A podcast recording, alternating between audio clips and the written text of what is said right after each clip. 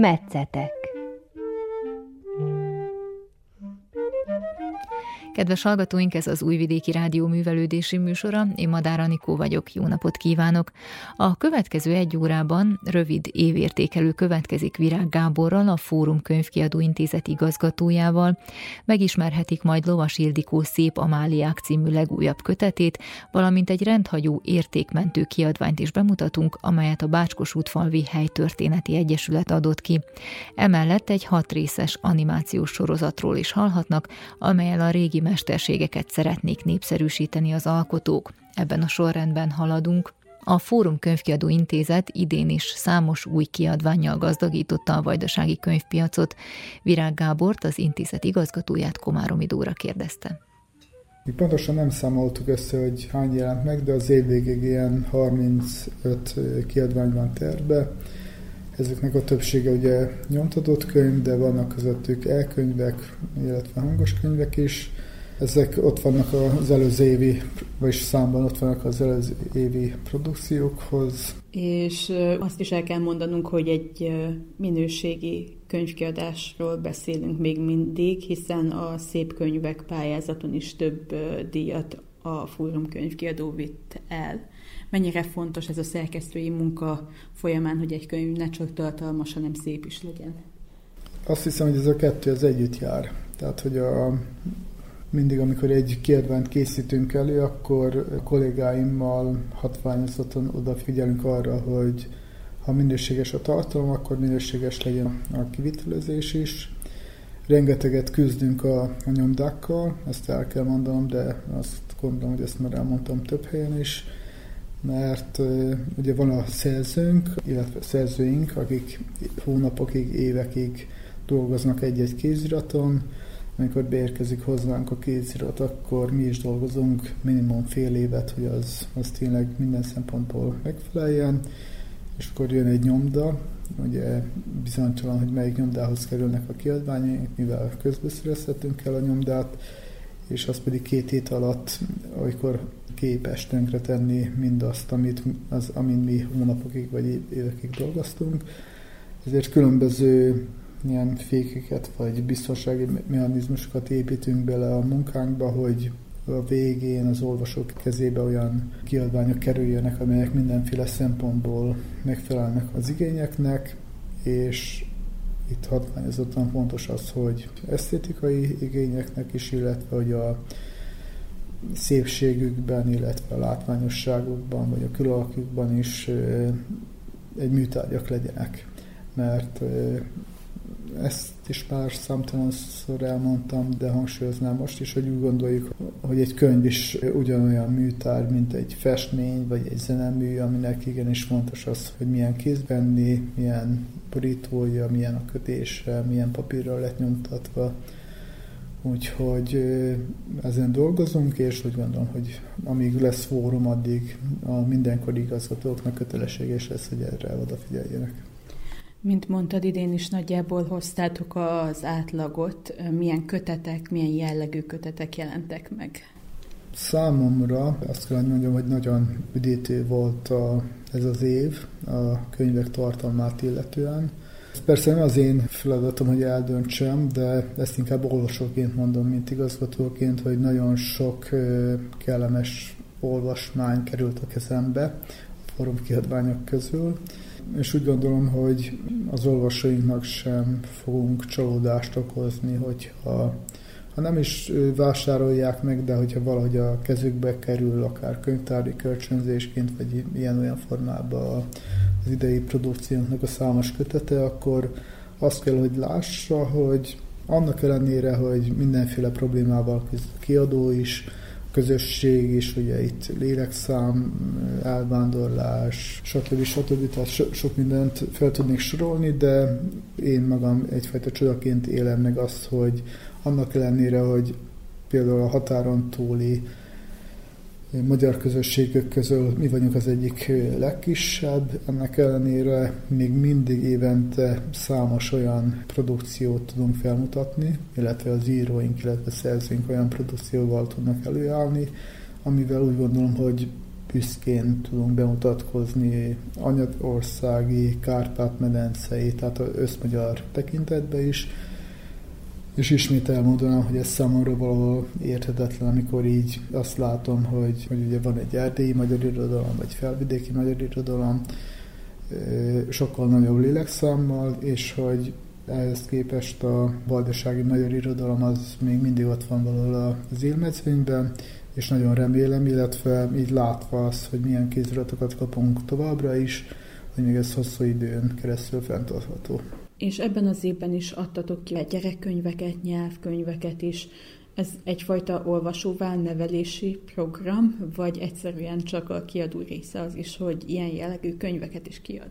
Az nagyon fontos, hogy olvasókat is neveljünk. Nagyon fontos az, hogy népszerűsítsük az olvasást, főleg a mai világban, amikor már ugye minden digitalizálódik, illetve minden átkerül az internetes térbe. Erről is sokszor beszéltem már, illetve sokszor nyilatkoztam, hogy annak ellenére, hogy milyen jóslatok voltak, vagy a, például a könyv halálát illetően, illetve a nyomtatott termékeket illetően, én azt látom, hogy ezek téves jóslatok voltak, mert a, a könyv továbbra is megőrizte azt a különleges varázsát, és azt hiszem, hogy ez Szerb Antal írta valahol, hogyha egy földön kívüli a földre látogatna, akkor egy csomó mindent meg tudna érteni, hogy miért működik a világunk így, ahogy működik, de az, hogy egy ember egy könyvet vesz a kezébe, és amellett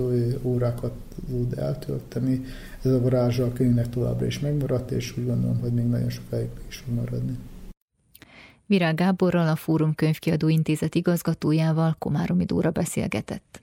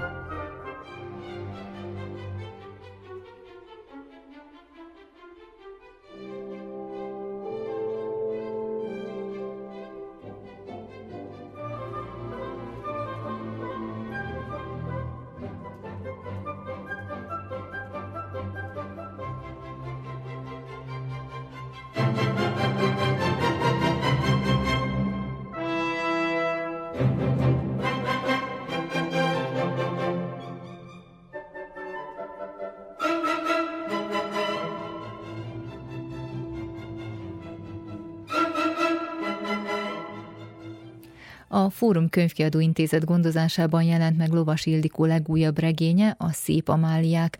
A kötettel már számos vajdasági településen találkozhattak az olvasók, a szabadkai bemutatón Szakál Laura beszélgetett a szerzővel. Hosszú éveken keresztül kerestem, kutattam az anyagokat, foglalkoztatott engem mindig is. Körbejártam ennek a vidéknek a történeteit különböző sorsokon keresztül, különböző embereken keresztül, és azt éreztem, hogy jó volna valami módon úgy hozzáfogni ennek a vidéknek a történetéhez, hogy mindazt, amit az egyetemen tanultunk, vagy mindazt, amit tudunk a vajdasági magyar irodalomról, vagy mindazt, amit tudunk a, a vidékünk történelméről, történetéről, azt valahogy megpróbálom egy olyan regénybe összefoglalni, egy ilyen elég nagy regénybe összefoglalni, ami lehetőséget ad arra, hogy hogy kellő alázattal, meg tisztelettel viszonyulva mindahhoz, amit mi tanultunk, de akár a kánont is egy kicsit megpiszkálva, vagy azokat a tényeket, ismereteket, amelyeket úgy fogadunk el, mint valóságot, vagy mint nekünk tanított valóságot, de igazából ez nem így történt. Mert nagyon sok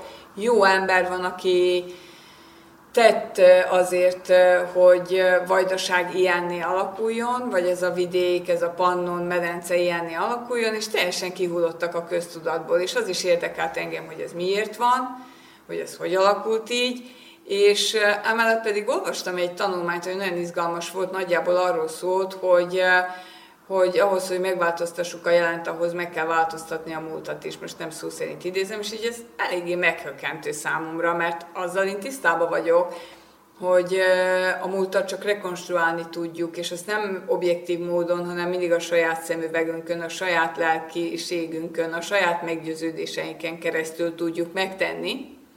Na de azért az, hogy meg is változtatni, az engem azért döbbentett meg, mert akkor fogódzó nélkül maradunk. Ha mindig csak a változtatások vannak, vagy ha mindig egy valakinek a változtatásai, vagy kettőnek, vagy háromnak, vagy egy, vagy egy rétegnek, akkor mi az, ami az egészre törekszik. És hát azért az irodalomban, a magyar irodalomban, de a vajdasági magyar irodalomban is vannak ilyen fajta törekvések, hogy így kérdezzünk rá a múltunkra. Nem én vagyok ebben egyáltalán az első vagy úttörő, de az is igaz, hogy nem ez a meghatározó, vagy nem ez volt a fő irány. Viszont nekem nagyon fontos volt, hogy újraolvashattam tulajdonképpen az, az 19. század végétől megjelent újságokat, és újraolvashattam az összes, szinte az összes megjelent irodalmi művet 1920 utántól, mert hogy ez egy száz vagy több mint száz évet felölelő regény, és igazából az újságírás felől, az újságok felől, a tények felől, és az akkori szépirodalmi alkotások felől szerettem volna közelíteni. Milyen szálon fut a történet? Hát ha elmesélném, hogy milyen szálon fut a történet, akkor tulajdonképpen nem maradna semmi, amit az olvasónak tudunk adni.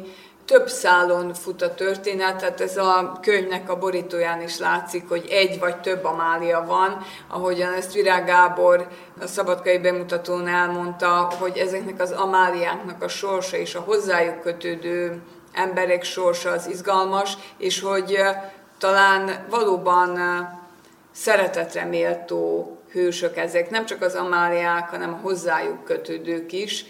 Igyekeztem olyan történetet megírni, ami szórakoztató, ami szívszorító, és a lehető legklasszikusabb módon történetmesélő. Persze nem tudom megtagadni önmagam, meg nem is akarom megtagadni önmagam. A lineáris történetmesélés az nem az én világom, Emlékszem, hogy Bori Imre mondta, amikor arra biztatott, hogy írjak regényt, aztán pedig, amikor az első regényt meg is írtam, hogy, hogy a történetek, amiket írok, vagy a hősök története, amiket megírok, azok elsősorban az ő lelkükben játszódnak le. Na most azért haladni kellett, meg tanulni kellett a regényírást is, és én bízom abban, hogy sikerült megtanulnom, hogy a, a belső történések felől, a lélek történései felől ki tudtam lépni, és egy olyan tablót összeállítani, vagy megírni, ami, ami ismerős is lesz az olvasóknak, más olvasóknak pedig, akiknek nem ez a táj az ismerős, azok ráismernek arra, hogy valamikor ez a táj egységes volt, ahogyan talán most is az, vagy ha akkor nem volt egységes, akkor most sem az. Tehát én nem úgy tekintek erre a, erre a cselekmény vonulatra, vagy az összefonódó cselekményekre, amiből egy valamit ki lehetne ragadni, hanem úgy, hogy ezeknek a nőknek és a hozzájuk kötődő alakoknak létező irodalmároknak, újságíróknak, politikusoknak a sorsa összeadódik, összefonódik, és az adja ki azt az egészet, amit mi ma vajdaságként ismerünk, vagy én azért a Pannon medencét mondom, mert úgy gondolom, hogy ez egy közép-európai történet is, tehát az itt élő emberek így vagy úgy, de össze vannak egymással kötve. És a történeteink azok mindenféleképpen közösek. A nézőpontunk nem biztos, hogy közös, de ahhoz, hogy egymás elfogadásával közös nézőpontot tudjunk kialakítani, ahhoz mindenkinek kellő alázattal és méltósággal el kell tudnia mesélni a történetét. Azt gondolom, hogy az íróknak a felelőssége abban van, és ezt én mindig is így gondoltam, meg, meg ebbe ebben nem is gondolnám, hogy felül kell bármit vizsgálnom, hogy a kellő megértés felől és a különböző szélsőségek vagy, vagy, vagy erőszakos ráhatások elutasításával tudok csak gondolkodni, ez valóban így van, de tudja, ez úgy is működik, hogy az Amáliák közt és a különböző hősök közt, vagy az újságírók közt, az persze kiderül a regényből, hogy akik ellenségei egymásnak, azok két év után már például egy pártban politizálnak. Hogy van ez? Szóval, hogy az élet az nagyon hosszú, tudni kell benne közösen gondolkodni, vagy tudni kell megérteni a, a dolgoknak a mozgatórugóját, és számomra, ami a legfontosabb tanulság, én ezt próbáltam a saját élethibáimat is számba venni, figyelembe venni, hol tévedtem, amikor mondjuk megfricskáztak, akkor miben volt igazuk azoknak, akik ezt tették. Az ember ezzel nem gyöngébb, az ember ezzel erősebb, az író pedig mindenféleképp erősebb, hogyha képes arra, hogy levonjon következtetéseket. Számomra a legfontosabb az, hogy azok a kérdések, amelyeket itt feszegetek, azok ma is aktuálisak, tehát vannak olyan örök kérdések is itt a család, a cseléd, ki a, mi a család, ki a cseléd, szóval ezt is körbejárom, és hát ugye az is eléggé aktuális tud lenni, hogy mit jelent tulajdonképpen a párbeszéd, és mit jelent a nyitottság. Valóban azt, hogy képesek vagyunk leülni egymással vitatkozni is, akár, hogy az a párbeszéd része a vita, vagy pedig az a vita, vagy az a párbeszéd, hogy én valakivel nem ülök le, miért csak, mert ő úgyis másként gondolja. Tehát azt gondolom, hogy a nagyszerűsége és a szépsége eh, annak a száz évnek, ami ebben a regényben benne van, pontosan az, hogy eh, időnként közvetlen módon, máskor búvópatak formájában, de azért polemizáltak egymással az emberek, és legfőképpen szóba álltak egymással. Én eh, ezt tartom a legfontosabb üzenetnek, hogy ha valami hiányzik, akkor pontosan ez hiányzik talán manapság, hogy a vitakultúra és, a, és az érvek ütköztetésének a minősége. Ezeket az újságokat olvasva mondjuk 6-7-8 éven keresztül, ameddig én ezt a regényt írtam, ezt tanultam meg. Egy kicsit elárulhatunk az olvasóknak így előzetesben Amáliákról? Két Amáliáról van szó, tulajdonképpen az egyiket Sőn Amáliának hívják, és Apatinban született, a másikat pedig Szép Amáliának hívják, és Bástóvároson született. Ennek is jelentősége van a regényben, mint mindennek. Úgy írtam meg ezt a könyvet, hogy vannak benne olyan adatok, vannak benne olyan információk, vannak benne olyan rejtett apró ajándékok, amik azoknak az olvasóknak mondanak valamit, akiknek van valamiféle történelmi vagy irodalmi tudásuk, vagy a tájhoz másként ragaszkodnak. Egyébként a, az idézetek, a vendégszövegek, ugye én föl is jegyeztem itt, hogy hány könyvből, vagy részből, vagy kiktől idéztem, minden fölelhető. Tehát olyan visszajelzéseket kaptam, hogy, hogy nem lehet tudni, hogy hol kezdődik a fikció könyvben, és hogy meddig tart, a, meddig tart valami ténynek a, az elmesélése. Sokat szenvedtem ezzel, hogy úgy tudjam egyben mosni, vagy összemosni ennek a két Amáliának a történetét, hogy az, ezt már mondtam, hogy tisztelgés is legyen, meg főhajtás is legyen, de hogyha egy ilyen hogy is mondjam, ha ki kell emelni valamit, mondjuk az egy, a cselédkönyvnek jelentős szerepe van valami módon a regényben, az, hogy milyen módon van szerepe, azt nem mondom el. De például a cselédkönyv leírása, hogy hogyan nézett ki a cselédkönyv és mi van benne, az természetesen utal vagy visszautal Kosztolányi Dezsőre, az édesannára de már amikor ez a cselédkönyvet egyébként Sinkó Ervin, aki a, a, a cseléd szakszervezet, tehát a cselédeket tanította írni és olvasni a szociáldemokrata párt keretein belül Szabadkán, a munkásotthonban, és ő találkozik ugye az egyik Amáliával, vagy mindkettővel, Spitzer Feri néven, hiszen az volt az eredeti neve, akkor hogy ő hogyan kerül bele ebbe a történetbe. Azt nagyon kevesen tudják róla, ugye, hogy ő Szabadkán a cselédeket szervezte, és írni, olvasni tanította őket, és azt is nagyon kevesen tudják, hogy akik ebbe a beléptek a cselédek szakszervezetébe, azok automatikusan a szociáldemokrata pártba is beléptek, csak erről nem tudtak. Tehát aztán később, amikor alakul az egyik másik Amáliának a sorsa, és szembesítik azzal, mert ugye impériumváltás van, hogy ő tulajdonképpen minek a tagja, nem is tudott róla. Szóval, hogy ezek a, ezek a, ezekhez a történetekhez, amik a fordulatokat jelentik a regényben, azoknak mondjuk ilyen valóság alapja van. De nem a valóság alapja a fontos szerintem, mert regényről beszélünk, fikcióról beszélünk, hanem az, hogy ez hogyan határozta meg a hősöknek a sorsát. Lovas Ildikó Szép Amáliák című legújabb könyvének szabadkai bemutatóján Szakállaura beszélgetett a szerzővel.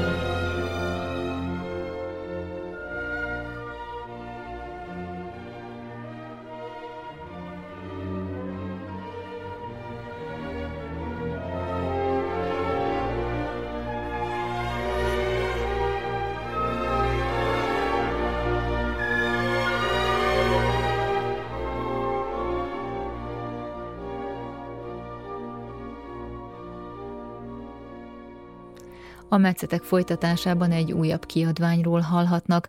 Rendhagyó értékmentő kiadványt adott ki ugyanis a Bácskos útfalvi monográfia helytörténeti egyesület.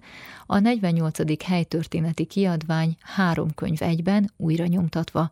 Pap László, a könyv szerkesztője nyilatkozott Nagy Emília kérésére. Itt mi nálunk ugye a Monográfia Egyesület még ezért 975-ben alakult meg, 75 decemberében, és 10 évvel hamarabb, mint akkor ünnepeltük volna a 200 éves évfordulónkat. Ekkor a monográfia egy nagy gyűjtési akcióba fogott. Összegyűjteni mindent, ami a faluról szól, ami a levéltárakba, a kiadványokat keresve.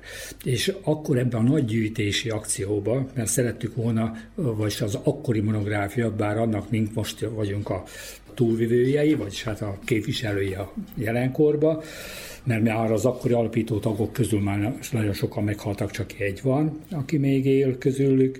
Tehát az volt, hogy amikor a falunk fennállásának 200 éves évfordulóját majd fogja ünnepelni, hogy akkorra csináljunk egy falu monográfiáját, vagy csináljanak azok, akik akkor ennek neki fogtak.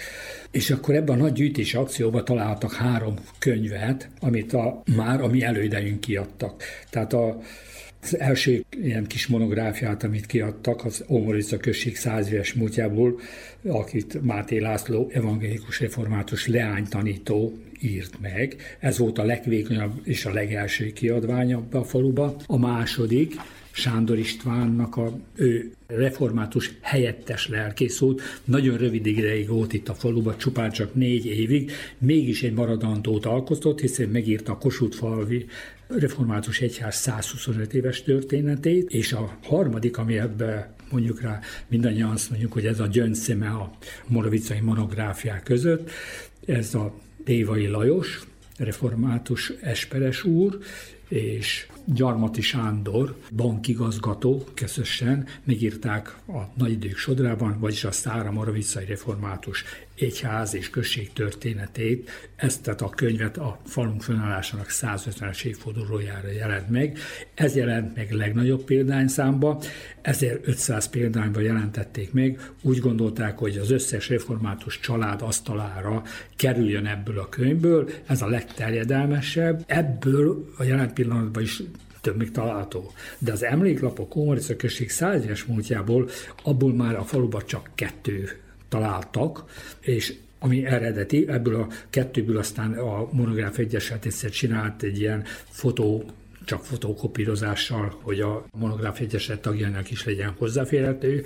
Ebből még akkor tudtunk, de a falunk fönnállásának 125 éves évfordulójára kiadott könyvből abból meg talán csak egy eredeti példány volt, de ezért szerencsém van, hogy minden háromból tudtunk egy-egy eredeti példányt megtalálni, és akkor a monográf egyesetet úgy döntött, 2021-ben döntöttünk úgy, hogy 2022-ben mind a háromat megjelentetjük egy kiadványba, ős monográfiák címen, ilyen reprint kiadásba, azzal, hogy egyik könyvben se fogunk változtatni sem a nyomtatott betűknek a kinézetébe, sem a tartalomba, mondatszerkezethez, sem a helyesírás hibákba.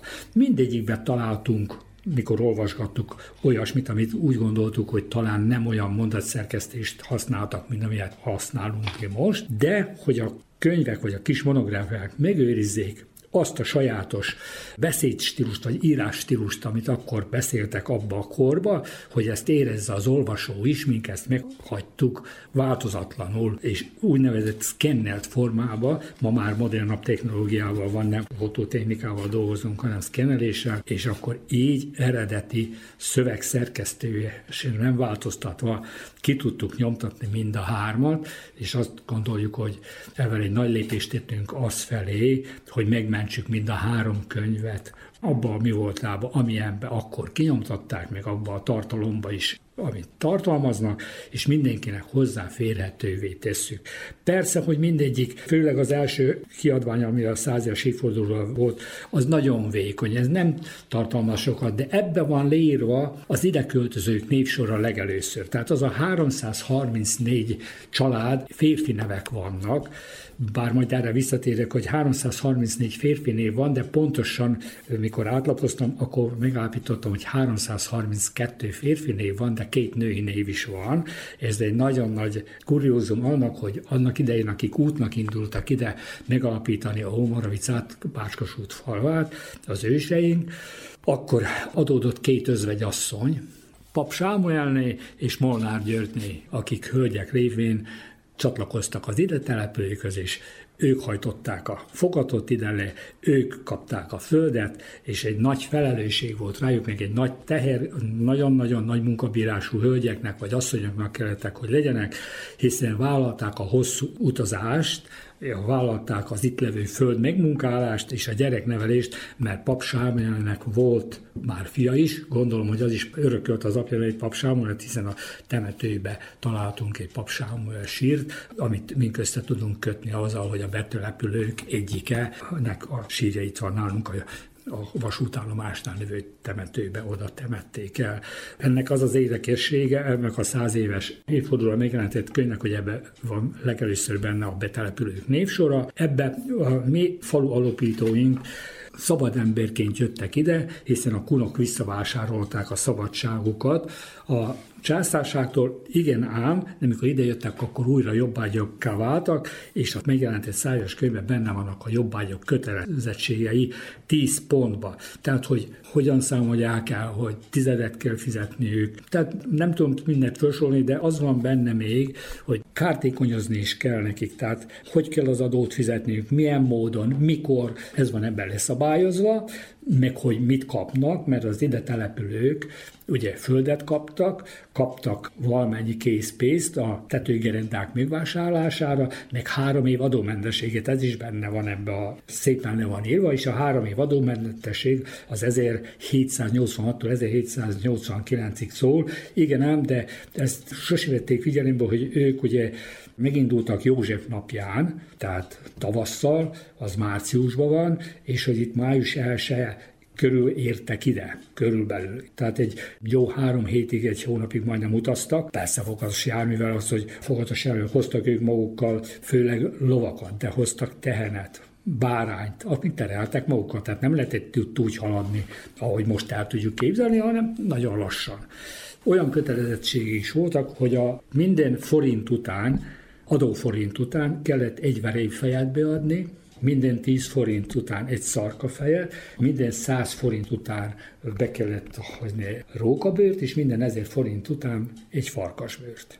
És akkor ebből jön az is ki, hogy akkor ezen a környéken volt farkasok. Na most ezek a farkasokat, vannak úgynevezett nádi farkasok, amelyek már kihaltak, ez a féle sakállak most valaki azt mondja, hogy ez úgy van leírva, különben ebbe szépen kír, hogy farkas a könyvbe, de közben az nem biztos, hogy vagy nádi farkasút, vagy sakál. Ilyen kötelezettségeik is vannak, azért érdekes ez, hogy ez a leírás a jobbágyok kötelezettségeiről nincs meg a levéltárakba, de nekünk megvan ebbe a kiadványba. A Kossuth falvi református 125 éves története ugye az 1911-ben jelent meg, Ebbe már sokkal többet foglalkozik a református egyháznak a, a szerkezetével, mikor alakult meg, mikor jött az első tiszteletes úr, hogy alakultak, és akkor azóta hogy változott, mikor épült a templom, hogyan épült fel a templom, kik építették fel a templomot. Ebbe a 125-ös történetbe még az 1848-as évekről is ír röviden. Ugyan nálunk az eseményekről a 48-ban keveset ír, mert a, igazából azért 849-ben történtek itt az események, akkor értek itt, akkor volt a kaponyai csata is, ahol több moravicai is részt vett a kaponyai csatába, de ő megemlíti, hogy milyen események zajlottak le akkor Bácskos útfalván. Nagyon keve, ír arról, hogy ők akkor több mint 130 házat fölgyújtottak, és hogy a lakosság elmenekült, aztán visszajöttek, tehát mikor el, szerb hadsereg elhagyta ugye a falut, akkor visszajött a lakosság, tehát hogy mire jött vissza, kifosztva voltak a házak, meg ilyen, erről ő ír.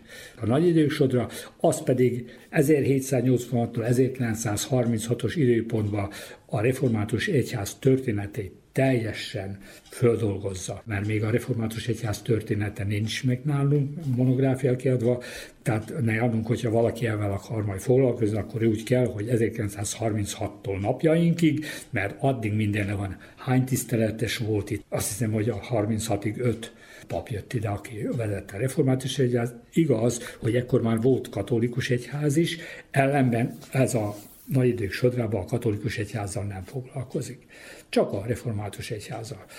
És ebben vannak azok, hogy a, leírja, hogy a házasulandók hogy házasodtak, hogy a móring levelek voltak, tehát abban a szegény világban akármilyen szegények is voltak, ha összekerült a két fiatal, akkor mooring levelet írtak, mit vitt a házasságba be a, a lány, mit vitt a fiú be a házasságba, és mikor szétváltak, akkor azt itt bevitt, azt vitte is vissza magával. Tehát ilyen szabályozás, ez is le van írva a nagy sodrába. Itt már egy kicsit foglalkozik avval is, hogy milyen szervezetek voltak. Akkor már írja, hogy volt sportszervezet a faluba, hogy volt tűziltó egyesület, és erről egy rövid beszámolót ír a könyvbe, tehát erről is lehet olvasni, az mellett, hogy a református egyháznak a történetét szépen megírja.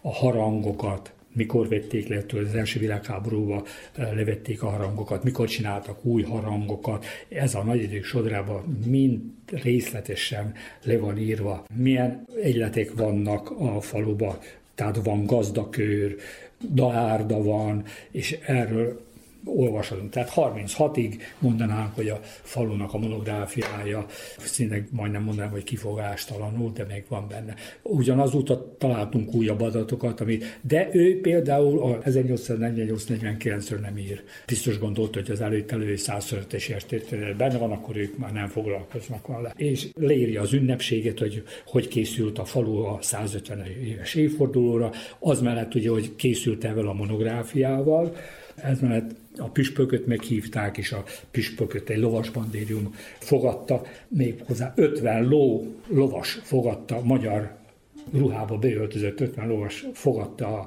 püspököt a falu szélén, bevezették, tarackágyúval lőtek a falu központjába, tehát vagy nem lőtek, hanem durrogtak, mert az a falu a nagy ünnepség volt, hogy akkor ilyen úgy kezdődött a 150-es évfordulónak a megünneplés, ami itt szépen le van írva, hogy reggel 6 órakor már ágyúdörgésre ébredt a falu, a lovasbandérium fogadta a püspököt, jött a püspök úr, nagy istentiszteletet tartottak, a labdarúgó fotballpályán pedig ilyen folklór műsor volt, 50 pár táncolt erre az alkalomra.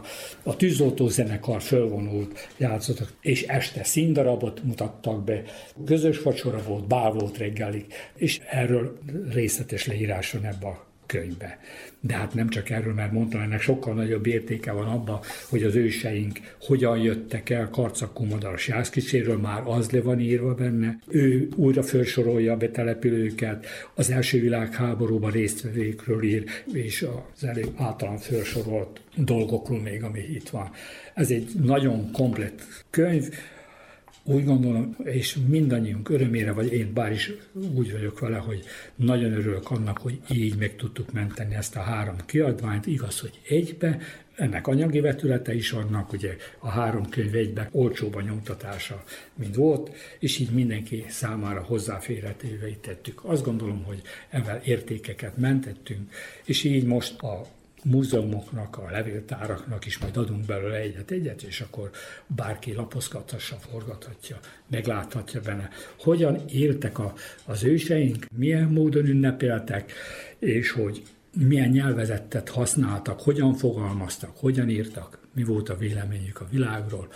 Erről szól ez a három könyv egybe. Megtörtént a könyvbemutató már. Most az érdekelne, hogy a, az idősek ezt nyilván tudják, meg valamennyire jegyzik ezt a három kiadást.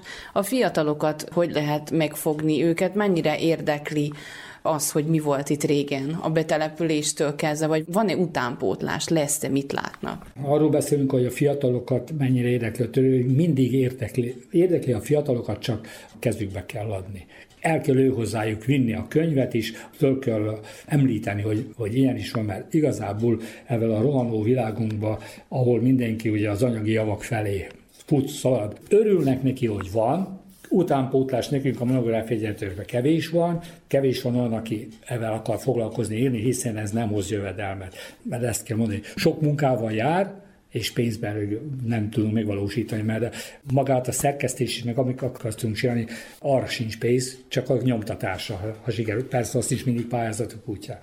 De azt szeretik a fiatalok, ha beszélgetünk is, hogy van, de részt venni benne igazából nem akarnak. De arra meg örülnek, hogy van ilyen. Az iskolába is fölvittem, ott is a tanárok örülnek, hogy van ilyen, meg támogatják, meg örülnek neki, lelkesednek érte, de magával kevés az, aki munkával is hozzá tud ehhez járulni. Ez a, amiből kevés van. Mi lesz a következő, mind dolgozik most? Én már jó benne vagyok a korba, 70 éves vagyok, de azt gondolom, hogy még sokáig kell, hogy éljek, mert én nekem annyi tervem van. A legújabb, amin amit csinálok, amivel már 70 gépelt odalig eljutottam, de gondolom, hogy még most egy pár hónap, mert a, az adagyűjtést azt már megcsináltam, a moravicai nőszervezetekről. És most az előbb említettem, pont az ősmonográfián kapcsán, hogy két hölgy is jött, velük kezdem. Ki az a két hölgy, aki eljött falut alapítani Karcagról, az egyik Karcagról, a másik még Kumadarasról jött, tehát Pap Sámuelné és Molnár Györgyné. Tehát ők voltak az a két hölgy, akik vállalták ezt a falu alapítást. Tehát innen kell kezdeni, a legelső hölgyek, akiket én említek, azok ők falu alapításkor. És attól kezdve aztán, hogy hogyan is milyen volt a nők szerepe. Tehát 1804-ig csak a férfiak született gyerek, akkor az apát beírták, az anyát nem. Csak 1804-től vezették mind a kettőt. Az is érdekes, hogy az anyát nem vezették be, de a körösszülőket meg bevezették az anyakönyvekbe. Tehát az apát beírták meg a körösszülők neveit, az anya nevét nem. Tehát itt rá kér arra is térni, hogy milyen jogaik voltak a nőknek, vagy hogy volt ez ez volt a hagyomány, hogy a férfi viszi a családba, ha van, akkor a férfi nevét beírják, és az elég. De hát aztán ez csak megváltozott, és akkor eljutottam odáig, hogy ugye leányiskola volt, és hogy mikor alakult a leányiskola, meddig volt. Hát leányiskola, református leányiskola volt, 1920-ig, de hát akkor államosították, addig, addig vallási iskolák voltak, vallási feladatok volt katolikus iskola, református és a zsidó iskola. Ez a három. De lányiskola, külön csak ahol lányok jártak, az református lányiskola volt, és 1920-ra szűnt meg. A leányiskola megalakult, mindjárt ott, tehát 1786-ba települtünk be, és 1786-ban már megalakult az iskola is, és akkor a leányiskola meg rá egy, most százszázalékosat nem tudok mondani, vagy tudom az időpontot, az 1789 után alakult meg a leányiskola, és akkor mikor kezdődött ide az első leánytanító, az előbb említett Máté László volt, és a Mátó László után jött az első női tanítónő. És aztán ki volt az első óvónő, Tarnai Emmának hívták, 1886-ban volt az első óvoda. Máskos útfogalom, és ezek így jövünk aztán, és hogy mikor alakult meg az első igazi nőszervezet, az még 1917-ben, még az első világháború ideje alatt. Hát elvitték a férfiakat, Moravicáról több mint 600-an vettek részt az első világháborúba, és akkor a nőkre nagyon nagy dolog, ők művelték a földet, ők vezették a háztartást, ők nevelték a gyerekeket egyedül, hiszen rengeteg férfi oda volt a háborúba, és ez is összekovácsolhatta a nőket, és 1910-ben megalakultak, de akkor már az a helyzet volt, hogy nagyon nagy volt a, a nélkülözés is, nagyon elszegényedett a falu, és akkor a nők nagyon soknak ugye meghalt is az eltartó, vagy a, a férfiak közül sokan meghaltak, és azoknak a nőknek, akik közöljék maradnak, azok nagy segítségre voltak szólva, és akkor így megalakult 1917-ben a Nőegyesület, akinek az volt az első fő célja, hogy azoknak, akiknek ugye alig van megélhetésük, hogy segítséget nyújtsanak.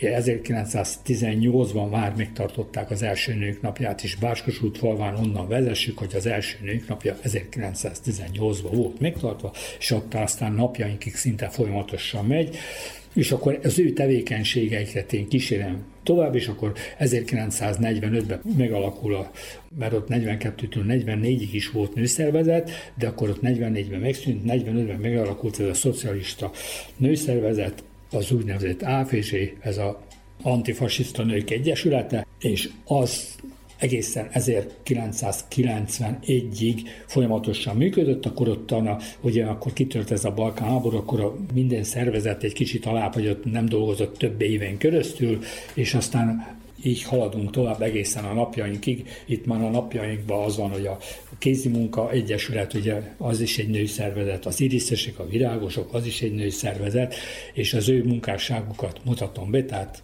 kezdődik 1786-tól a női aktivitás, vagy a, a nőknek a munkája, vagy polgári egyesületben való társulásait én leírom, és kik voltak, mikor kik voltak a vezetőjei, és kik voltak azok, akik legtöbbet tettek a Fólér, ki volt Kultúregyesület elnöke, az is nő volt, Búzás Laura tanítónéni, és akkor így egész napjainkig, és akkor úgy gondolom, hogy ebből lesz egy könyv, vannak fotójaim is, fotógyűjtemény is van, ez a következő, de hát utána lépök még tovább, mert az ünnepeinket akarom bemutatni. Május 1-ét, húsvétot, a karácsony, a stafétavárást, a stafétaivést, tehát ezeket az ünnepeket, amit hagyomány szerint évekig, hosszú évenként keresztül megcsináltuk ebben a faluba keresztül, és erről is már nagyon sok anyagot összegyűjtöttem, és ez a következő, és akkor aztán van még terveim ezzel kapcsolatosan a falu történelemmel. Pap Lászlóval a Bácskos útfalvi monográfia helytörténet egyesület által kiadott kötet szerkesztőjével Nagy Emília beszélgetett.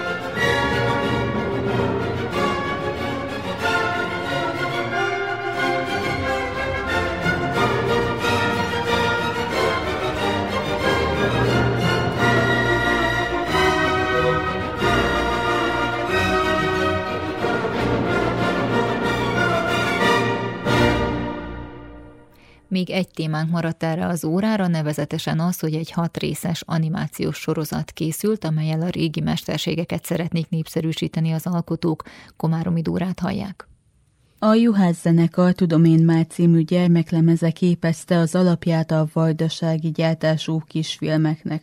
Az alakokat Szalai Attila karikatúrista tervezte, Guci Dávid és Miskolci Roland pedig animációkkal keltették életre a figurákat. Juhász Gábor rendező szerint ez érdekes tartalom lehet a gyerekek számára. A Juhász zenekarnak 2021-ben megjelent egy lemeze Tudom én már címmel, ami ugye arról szólt, hogy egy juhász legény különböző szakmák között válogatott, hogy megtalálja a boldogulását. És hát ennek elég nagy sikere lett Vajdaságban, mint Magyarországon is. Nagyon sokat koncerteztünk vele, turnét valósítottunk meg, és hát mindenhol nagyon jó visszajelzéseket kaptunk, hogy milyen ötletes, hogy a, a különböző mesterséghez milyen jó kis dalokat találtunk, milyen jó történetbe tudtuk ezt az egészet beletenni, komplett előadást tudtunk így ebből összehozni. És ennek a lemeznek a borító tervét, a borítójára a rajzokat Szalai Attila grafikus készítette el. Nagyon ötletesen, nagyon jó rajzokat készített annak idején is Attila, és ezeket a rajzokat látva én arra gondoltam, hogy ezt mindenféleképpen valahogy tovább kellene vinni. És ugye, mivel hogy nekem is egy fiam van, most öt éves lesz a Laci fiam, és nagyon sok ilyen videótartalmat találtunk annak idején, és nézegettük, és láttam, hogy a gyerekek mennyire nyitottak az ilyenféle megmutatás felé, akkor úgy döntöttem, hogy akkor miért ne csinálnánk ezekből ilyen kis animációs filmeket. És hát igazából így jöttek, hogy azokat a mesterségeket, amelyeket a Tudom én már című lemezünkön bemutatunk, ezeket egy ilyen animációs film formájában népszerűsítjük, és hát igazából a Panon Televízióban dolgozom, és ott vannak grafikus munkatársaim, és ővelük elkezdtem beszélgetni, hogy hogyan lehetne egy ilyen animációs filmet megcsinálni, és akkor igazából így indult ennek a folyamata el, és aztán pedig nagyon jó kapóra jött egy nemzetközi pályázat, ami arról szól pont, hogy a régi mesterségeket népszerűsíteni, a régi kézműves munkákat behozni a a, fiataloknak a mindennapjaiba, és igazából ennek a projektnek a keretében, ami a Szabadkai Talentum és a Deszki Bánát Egyesületnek a közös projektje, ennek a, a projektnek a keretében tudtuk megvalósítani, aminek az a címe, hogy Handcraft projekt. És hogy kell elképzelni ezt a, az animáció készítését, mennyi időbe telt, és hányan dolgoztak rajta? Mivel, hogy ez mindenkinek egy új munka volt, ugye én mindig hoztam a zenét, én mindig hoztam azt, hogy, hogy ebből a részből a lemezen kellene csinálni egy animációs filmet. Tehát például ugye az első filmünk az a juhász legényről szól, ugye mind ahogy a lemezen is a juhász legény éli úgymond a mindennapjait, terelgeti nyáját, fújja furuljáját, mint ahogy ez benne van az ismert gyerekdalba is, és ugye ezt kellett volna valahogy megfilmesíteni, megképesíteni. És akkor elkezdtünk az Attilával gondolkodni, akkor mit kellene. Ugye Juhász legény a lemezborítón is rajta volt, úgyhogy az ő figurája az adott volt. Tehát ő különben is ennek az tudom én már annak az arca volt ez a Juhász legény. És akkor aztán hát amiről szól a dal, tehát azt kellett hozni képekbe, és akkor ezeket az Attila külön-külön megrajzolgatta. Ugye ő egy nagyon gyorskezű és nagyon jó tollú rajzoló, ugye karikatúrákat is rengeteget készít, és tényleg rengeteg rajzot készített mindenféle részletekkel a furujáról, a dudáról, a, a birkákról, a dombról, a gémeskútról, ugye kellett az, az egésznek egy háttér. És akkor igazából itt jöttek bele a, a Guci Dávid és a Miskolci Roland kollégáim, akik ugye elmondták, hogy ő szerintük ehhez az egészhez mi kellene, hogy milyen háttér, milyen részletek, akkor milyen állásba lerajzolni azt a juhászlegényt, hogy utána azt meg is tudjon mozdulni, azt tudjon menni. Hát igazából ebben a részben igazából én nem is láttam nagyon bele, hogy ők itt pontosan miket csináltak, ez megvan, hogy milyen számítógépes programokkal lehet ezeket a dolgokat megcsinálni, de az a lényeg, hogy ők mindig ugye hozták, hogy mit kellene, hogy az Attila megrajzoljon a film szempontjából, én pedig ugye elmondtam, hogy az én történetem szempontjából mi kell. És akkor itt egy jó, néha több órás beszélgetés során rajzolódtak ki azok, hogy akkor mi lenne az alapanyag, és akkor utána szabad kezet adtam ugye a, a, az animátoroknak, és akkor ők valamilyen módon ezt történetbe helyezték. Mindig azt mondtam, hogy a szöveget próbálják követni, ugye hát az a legjobb, ugye a gyerekeknek szól, tehát az, hogy igazából az lenne jó, hogyha azt látnák a gyerekek a, a képernyőn, mint amit hallanak a szövegben, vagy a zene, amire utal, vagy éppen a szöveg, amire utal. És akkor így készültek el külön-külön, ugye hat darab ilyen film készült el, ugye a, a juhászlegény, háromszabó legények, a susterinas, az asztalos, a halász, és végül pedig egy ilyen karácsonyi csokornak a, az animálása, ahol megjelenik az összes eddig bemutatott szakma, és ajándékokat hoznak a kis Jézuskának, ugye, aki megszületett Betlehembe. És akkor így ezzel úgymond zárul ez a, ez a mi kis történetünk. És hol találhatók meg ezek a kis filmek? Ahogy említettem is, hogy ez egy nemzetközi együttműködési projektnek a, a, a megbízásából történt ez az egész munka. A projektnek a YouTube csatornáján, tehát a Handcraft projektnek a YouTube csatornáján van ez rajta. Hogyha így be, beírják a keresőbe, hogy Handcraft projekt Juhász zenekar, akkor biztos, hogy kiadja, és hát lehet benne úgymond gyönyörködni, mert ezek tényleg úgymond egyedi vajdasági termékek, hogy vajdasági zene van benne, vajdasági grafikus művésznek az alkotásai, a rajzai, és vajdasági animátoroknak ugye a, a munkája. És hát igazából ez egy valóban olyan egyedi dologra sikeredett, hogy aki hát megnézte, az mindenki az ezt mindenféleképpen folytatni kellene, és esetleg miért nem csinálják meg az egész lemezt, ami több mint 40 perces, azt miért nem csinálják meg egy egész estés ilyen kis animációs filmnek, sőt az akkor már nem is lenne olyan kicsi, illetve nekem is vannak terveim vele, hogy hogyan lehet ezt tovább értetni. Rengeteg rajz született, ahogy mondtam is, és hát ezt hát vagy egy kifestős könyv formájában, vagy pedig egy akár egy mesekönyv formájában is véleményem szerint meg lehetne majd jelentetni, úgyhogy majd a következő évnek az elején, ami most már nem sokára itt lesz, majd meg fogok keresni ismerős, akik ilyesmivel foglalkoznak, és akkor megnézzük, hogy hogyan tudjuk ezt esetleg tényleg tovább értetni, és hogy ez a Tudom én már című lemezünk a képernyők után majd esetleg valahol nyomtatásba is meg tudjon jelenni, úgyhogy vannak vele még terveink, szerintem szép szép lesz az is, de most mindenféleképpen a, a, a hallgatóknak jó szórakozást kívánok ezekhez a kis animációs filmekhez. Komáromi Dóra Juhász Zoltánnal beszélgetett arról a hat részes animációs sorozatról, amelyel a régi mesterségeket szeretnék népszerűsíteni az alkotók.